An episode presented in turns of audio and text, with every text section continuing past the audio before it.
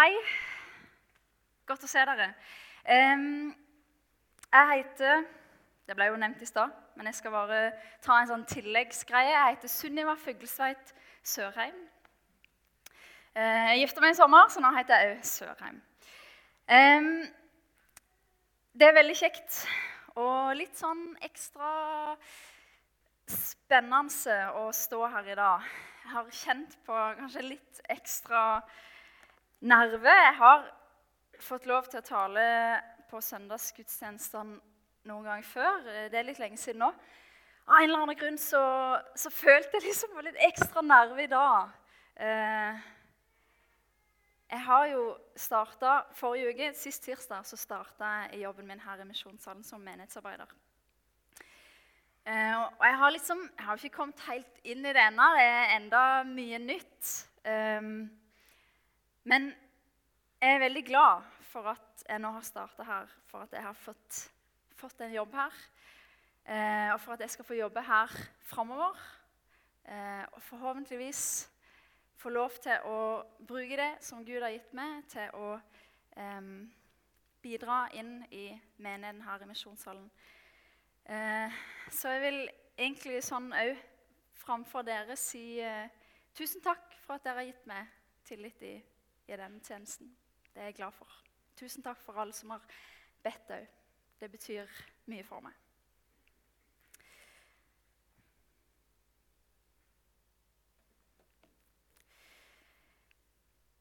I dag er det andre søndag i åpenbaringstida, kaller vi det. Åpenbaringstida er den eh, delen av kirkeåret som, som ligger mellom jul og faste. Og I åpenbaringstida så blir vi tatt med inn i tekster som skal prøve å vise oss hvem Jesus er.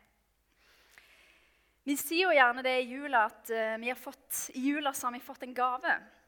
Det er født oss en frelser. Gud han har kommet ned på jorda, inn i vår eh, historie, eh, blitt født som et menneske.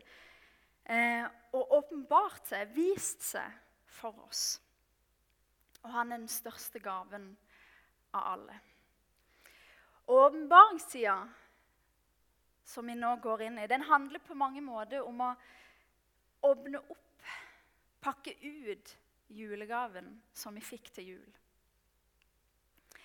Åpenbaringstida viser for oss hvem denne, dette barnet som er født, hvem dette er. Og denne åpenbaringssøndagens tekst den finner vi, som det ble nevnt, i Markusevangeliet. Fra kapittel 1. Og den handler om døperen Johannes og om Jesus som blir døpt av døperen Johannes.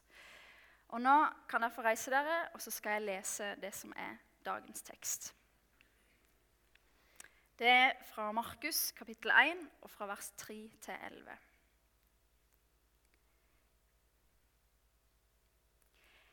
En røst roper i ødemarken.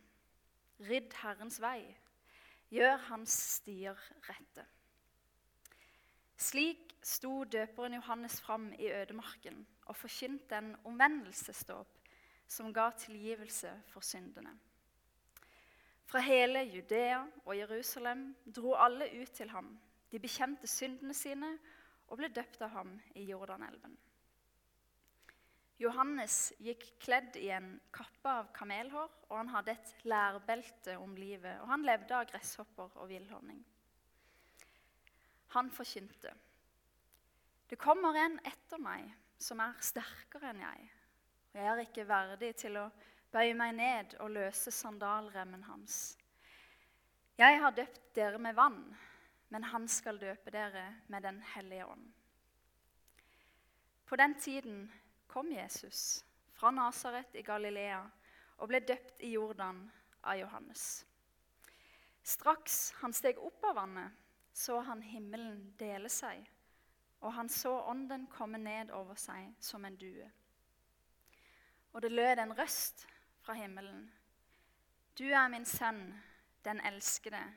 I deg har jeg min glede. Sånn lyder Guds hellige ord. Da kan jeg få lov til å sette dere.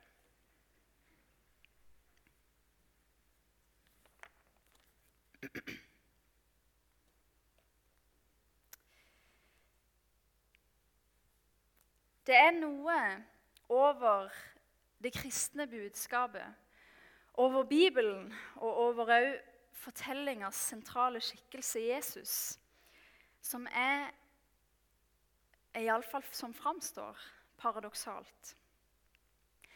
Og det er det at det er enkelt og vanskelig på en og samme tid. Det er tilgjengelig, men samtidig ofte utilgjengelig. Og noe av det som tror jeg, som skaper dette paradokset, det er kanskje det at fortellinga er så uforventa, og den er så annerledes. Vi sier av og til det at evangeliet er svaret på spørsmålet som ingen stilte. På en måte som et uttrykk for at evangeliet er svaret på det viktigste, men at vi mennesker ofte misforstår hva som er det viktigste.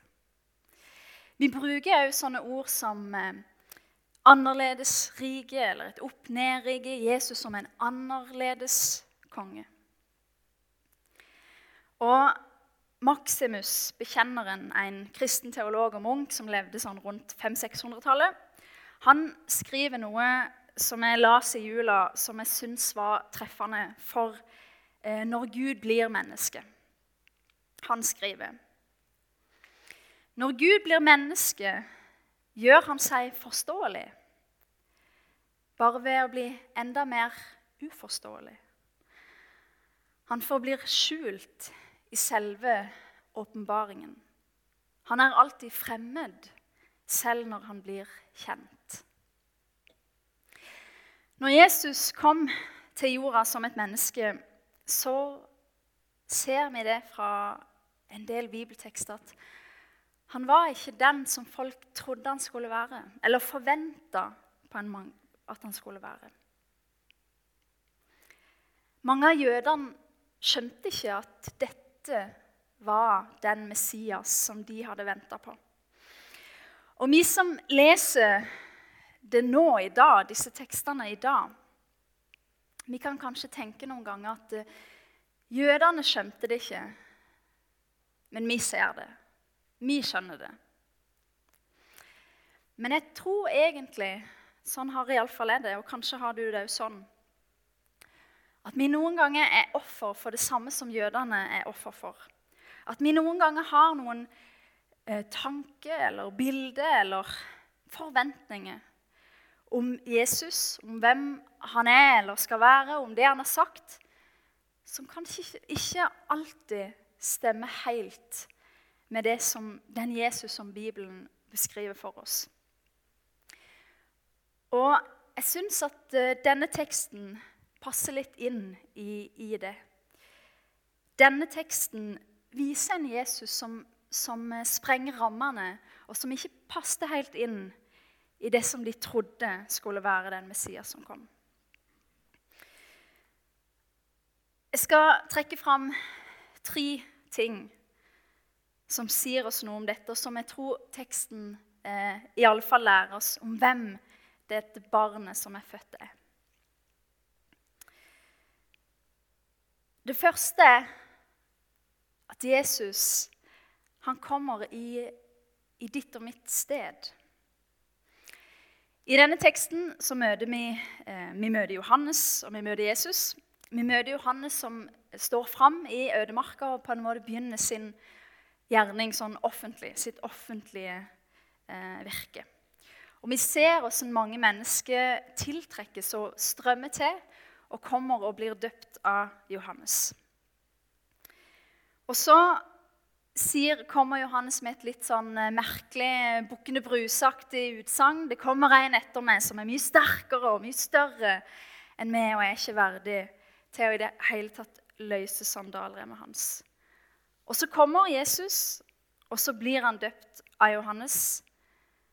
Og så skjer denne spektakulære hendelsen der himmelen deler seg, eller revner nærmest, og vi hører Guds stemme og ånden. Men det denne teksten her ikke nevner, det er at Johannes han motsatte seg jo egentlig litt å skulle døpe Jesus. Markus han er litt mer effektiv. Eh, men hvis vi leser hos Matteus den samme teksten, så ser vi det. At Johannes han, han er litt motvillig mot å skulle døpe Jesus. Eh, jeg vet ikke hva du har tenkt, men jeg har ofte tenkt eller det, når jeg har lest det, at det er fordi at pga. det Johannes nettopp har sagt, at Jesus er større enn han, og at han på en måte ikke er verdig til å skulle døpe han. Sånn, han er ikke verdig engang til å løse skoene, så han kan iallfall ikke være verdig til å skulle døpe han. Og det tror jeg stemmer. Men det er ikke først og fremst det er, ikke, det er, ikke, det viktigste med hvorfor Johannes motsetter seg. Det er ikke først og fremst derfor han motsetter seg. Johannes er motvillig fordi dette var jo en omvendelsesdåp. Dette var jo en dåp for syndere. Markus han sier det veldig tydelig i, i teksten som vi leser. Han sier det var en omvendelsesdåp til syndenes forlatelse. Som ga tilgivelse for synderne. Og det som da skulle liksom la seg døpe, det var jo et uttrykk for å si nettopp det. For å si 'jeg er en synder'. Jeg trenger å omvende meg. Og jeg trenger å bli rensa fra syndene mine.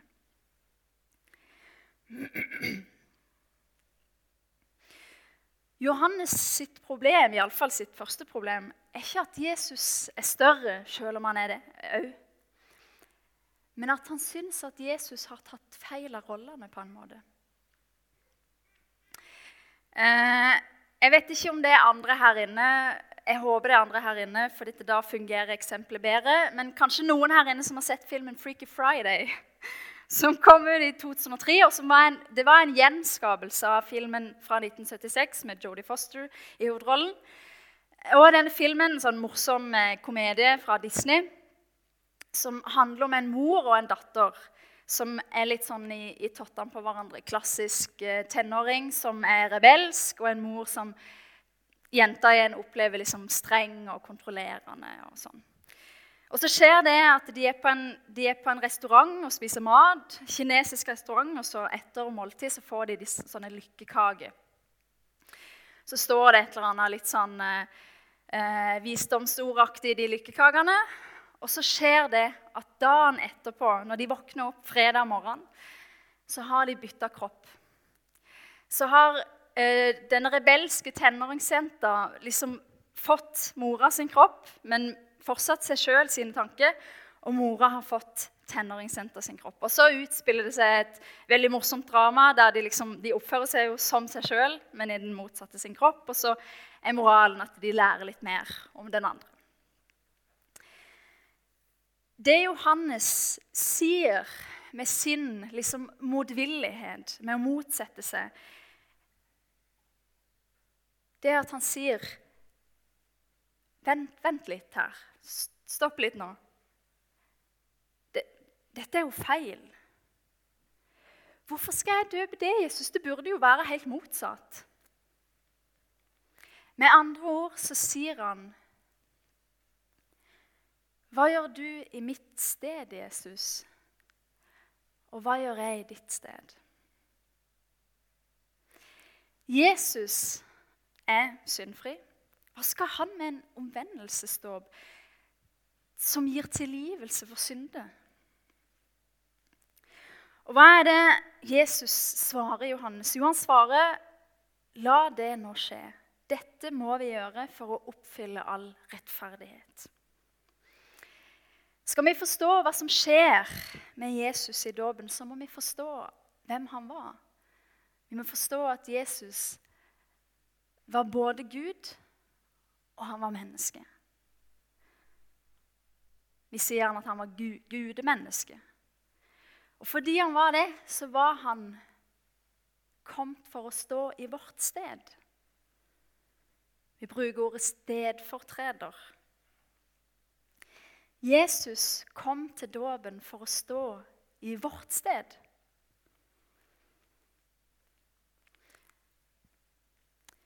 For oss som tror på Jesus, så er dåpen det vi kaller, vi kaller dåpen for at det er et nådemiddel.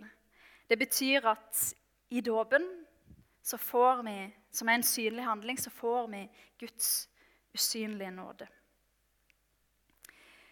Og det brukes kjempesterke ord, de sterkeste ordene vi har i språket. Vi begraves, og så reises vi opp igjen til et nytt liv. Vi dør, og så står vi opp igjen til et nytt liv i Jesus. Og så vaskes vi i vannet rene fra syndene våre. Men for Jesus Så Luther har sagt noe om dette her, som beskriver det veldig bra. Han sier det at for Jesus så hadde dåpen en helt motsatt effekt. Vi og det, vi stiger på en måte som skitne syndere ned i vannet, og så står vi opp igjen rene. Men Luther sier det at Jesus han var jo ren. Jesus stiger ned som den syndfrie. Men når han stiger opp igjen, så er han den største av alle syndere. Og Det er derfor Johannes òg sier dagen etter denne hendelsen Se der, Guds lam som bærer verdens synd. Som bærer bort verdens synd fordi han har kledd seg i våre synder. Han har tatt på seg dem. Han bærer dem. Så det Jesus forteller Johannes her, og forteller oss, det er at 'jeg har kommet for å stå i ditt sted'. Du og meg, vi to, vi skal bytte plass. Jeg har kommet både for å omvende meg for det, døpes for det, ta synderes dåp for det, leve for det, straffes for det, dø og stå opp igjen. Jeg har kommet for å stå i ditt sted, så du kan få stå i mitt sted. Dette kaller vi ofte med et litt sånn merkelig ord. Vi kaller det for det salige byttet. Et lykkelig bytte. Jesus har kommet for å stå i vårt sted. Det er det første punktet. Det andre er at det skjer noe når dette her skjer. En spektakulær hendelse. Det står at himmelen delte seg. Det er egentlig litt sånn forsiktig, forsiktig formulering. Glosen som det er oversatt fra, er at himmelen revna. Himmelen revna. Og vi leser Guds stemme som sier mot Jesus. Du er min sønn, den elskede, i det har jeg min glede. Og Det som vi kanskje ikke alltid er så oppmerksom på Hvis vi leser notene, så kan vi bli det. Men det kommer ikke rett fram i teksten alltid. Men det er det at Gud her han siterer Det gamle testamentet. Gud han siterer to skriftsteder fra Det gamle testamentet. Han siterer Salme 2 og Jesaja 42. Og i Salme 2, det er vers 7 det står, Salme 2, vers 7, så står det Du er min sønn, jeg har født deg i dag. Og Den salmen det er det vi kaller for en tronstigningssalme. Eh, en salme som ble lest når Israels konge steg opp på kongetronen. Men det er òg en salme som er tolka eh, messiansk, altså som en Messias-salme. At man tenkte at salmer handler om den framtidige messianske kongen som var lova at skulle komme. En frelserkonge som skulle komme, og som skulle bryte okkupasjonsmaktens eh, makt, og som skulle herske over nasjonene. Og som skulle opprette et nytt jødisk rike. Og mange jøder de visste det at dette var en Messias-salme. Dette var en salme om, med løfte om den Messias som skulle komme. Men den andre halvdelen I ham har jeg min glede.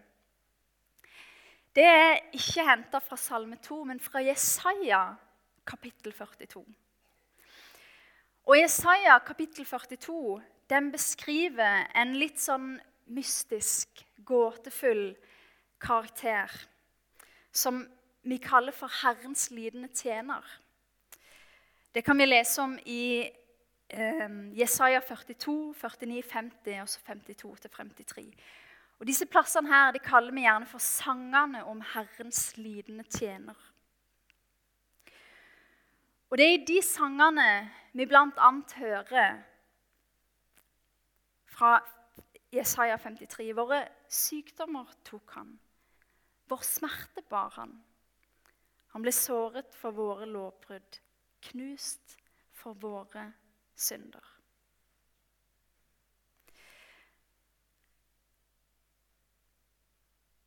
For jødene så, så, gikk, så gikk ikke dette opp. Så var det en umulighet at, Herrens lidende tjener i Jesaja skulle kunne være den messianske kongen som var lova i Salme 2. Men likevel så er det de to tekstene som her står sammen. Så det er likevel dette som Gud åpenbarer for Johannes, åpenbarer for oss i dag. At kongen som kommer, kommer som en tjener. At kampen vil være en dom. At seieren vil komme gjennom et nederlag, gjennom et tap.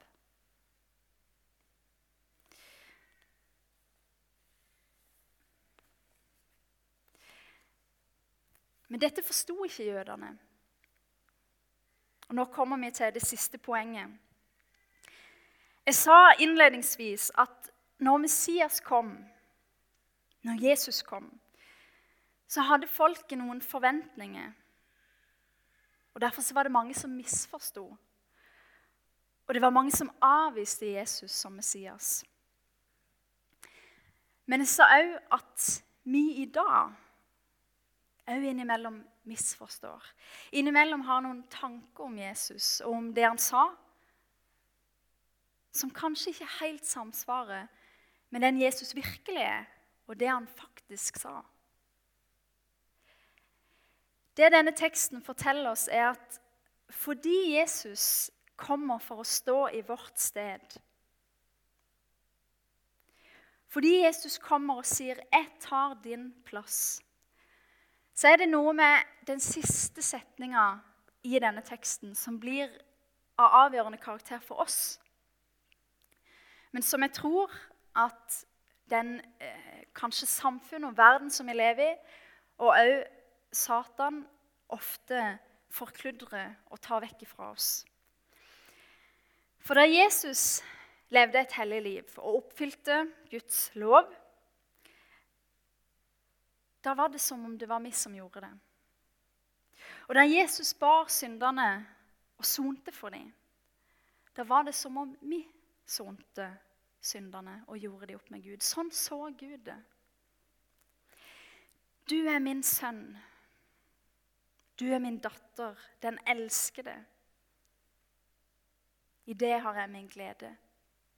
Fordi Jesus kom for å ta din plass så har du fått hans. Så er denne setninga satt over det. Sånn ser Gud det. Sånn ser Gud på det. Du er min sønn. Du er min datter, den elskede. I det har jeg min glede. Eller i det har jeg mitt behag. Når du tror på Jesus og tar din tilflukt til han og og ser og aksepterer at du trenger at han tar din plass, så blir du Guds barn.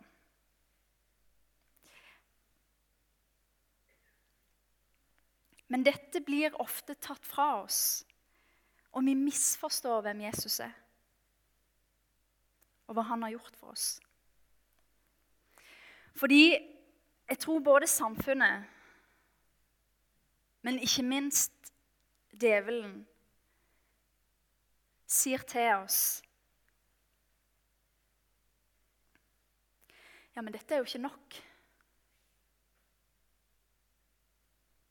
Dette er jo ikke på langt nær nok.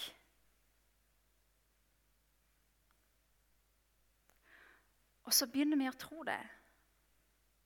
Og så begynner vi å tro at det ikke er nok. Og så begynner vi å tro at vi trenger å eie, gjøre, mene, prestere, tenke og være en masse ting for at Gud skal kunne ha glede i oss. Det kan være mange ting, men kanskje Jeg har ofte kjent på, på disse tingene, og det tror jeg kanskje mange av dere òg har. At jeg tenker at for at Gud skal kunne ha glede i meg, så må jeg ha den rette, den rette bønn om tilgivelse. Den tilstrekkelige angeren over synden. Den rette nød for unådde og ufrelste.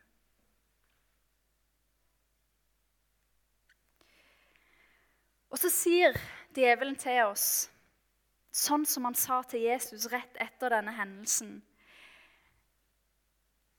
Hvis du er Guds sønn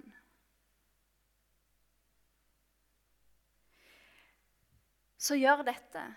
Så vær dette, så mein dette, så si dette, så tenk dette. Så gjør dette her.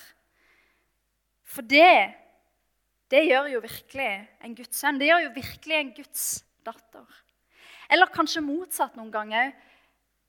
Kan du som er Guds sønn, kan du som er Guds barn, virkelig gjøre det? Virkelig mene det? En Guds sønn eller datter gjør da ikke sånne ting. Du kan ikke være Guds barn. Og så tror vi lett på det.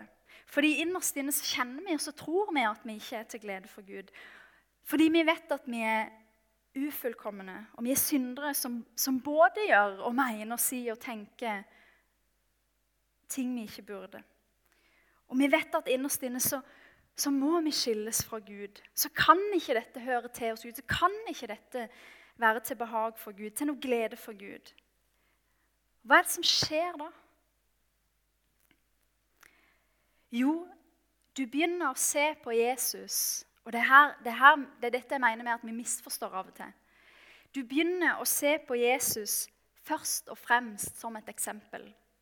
Først og fremst som et eksempel for det.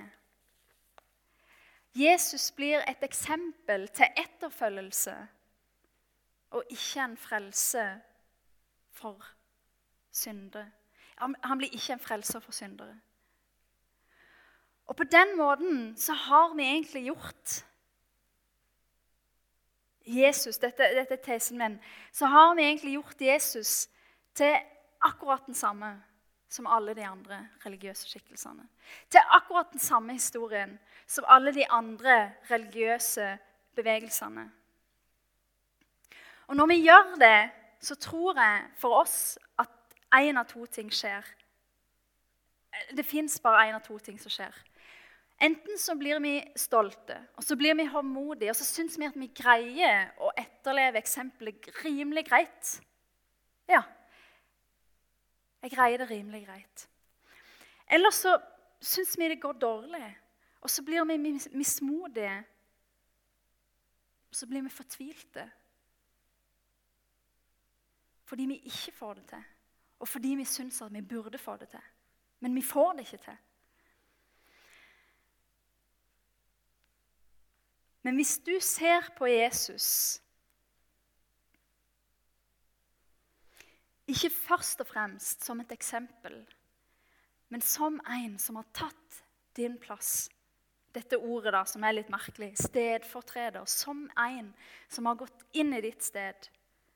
Så kan du leve i, i selvforglemmelsens frihet.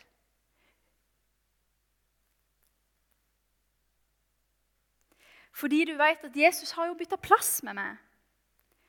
Og når Jesus har bytta plass med det, tatt din synd på seg, levd det livet som du vet at du ikke greier, så er det ikke sånn at han går inn i vårt sted, og så blir vi liksom tatt ut av, av rollen og plassert litt sånn anonymt på sida. Nei, det betyr jo at vi går inn i hans sitt sted. Han går inn i vårt sted, og vi går inn i hans sted. Når Jesus går inn i vår plass, så går vi samtidig inn i hans plass. Og Da blir vi Guds egne sønner og døtre. Og da gjelder denne setninga for oss. Da gjelder den setninga for det. Da gjelder det at Gud sier, 'Du er min sønn eller datter'. Den elskede, den som jeg elsker, i det har jeg min glede.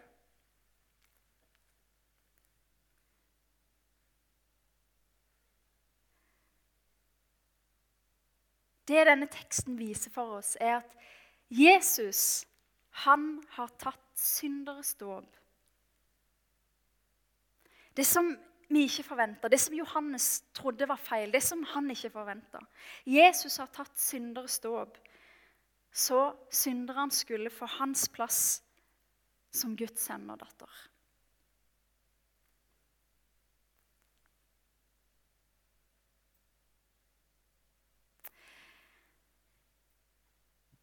Kjære Gud, vi takker deg for uh, at du er her sammen med oss. Vi takker deg for at du har gitt oss Bibelen, og for at vi i Bibelen kan lese om det og bli kjent med hvem du er. Vi takker deg, Jesus, for det som du har gjort for oss. For alt som du har gjort for oss. For at du har kommet til verden for å redde oss. For at du har levd, dødd og stått opp igjen for oss. For at du har tatt vår plass, sånn at vi får din plass. Takk for at du har gitt oss den plassen. Takk, Gud, for at vi blir tatt imot av det som dine barn. Takk, Gud, for at du er en kjærlig far, og for at du elsker oss med en uendelig kjærlighet. Ikke fordi vi er så fantastiske, men fordi det er den du er. Fordi du er kjærlighet. Vi ber Gud om at det må bli stort for oss, og at du må bli stor for oss, og at din kjærlighet må bli det viktigste i våre liv. Amen.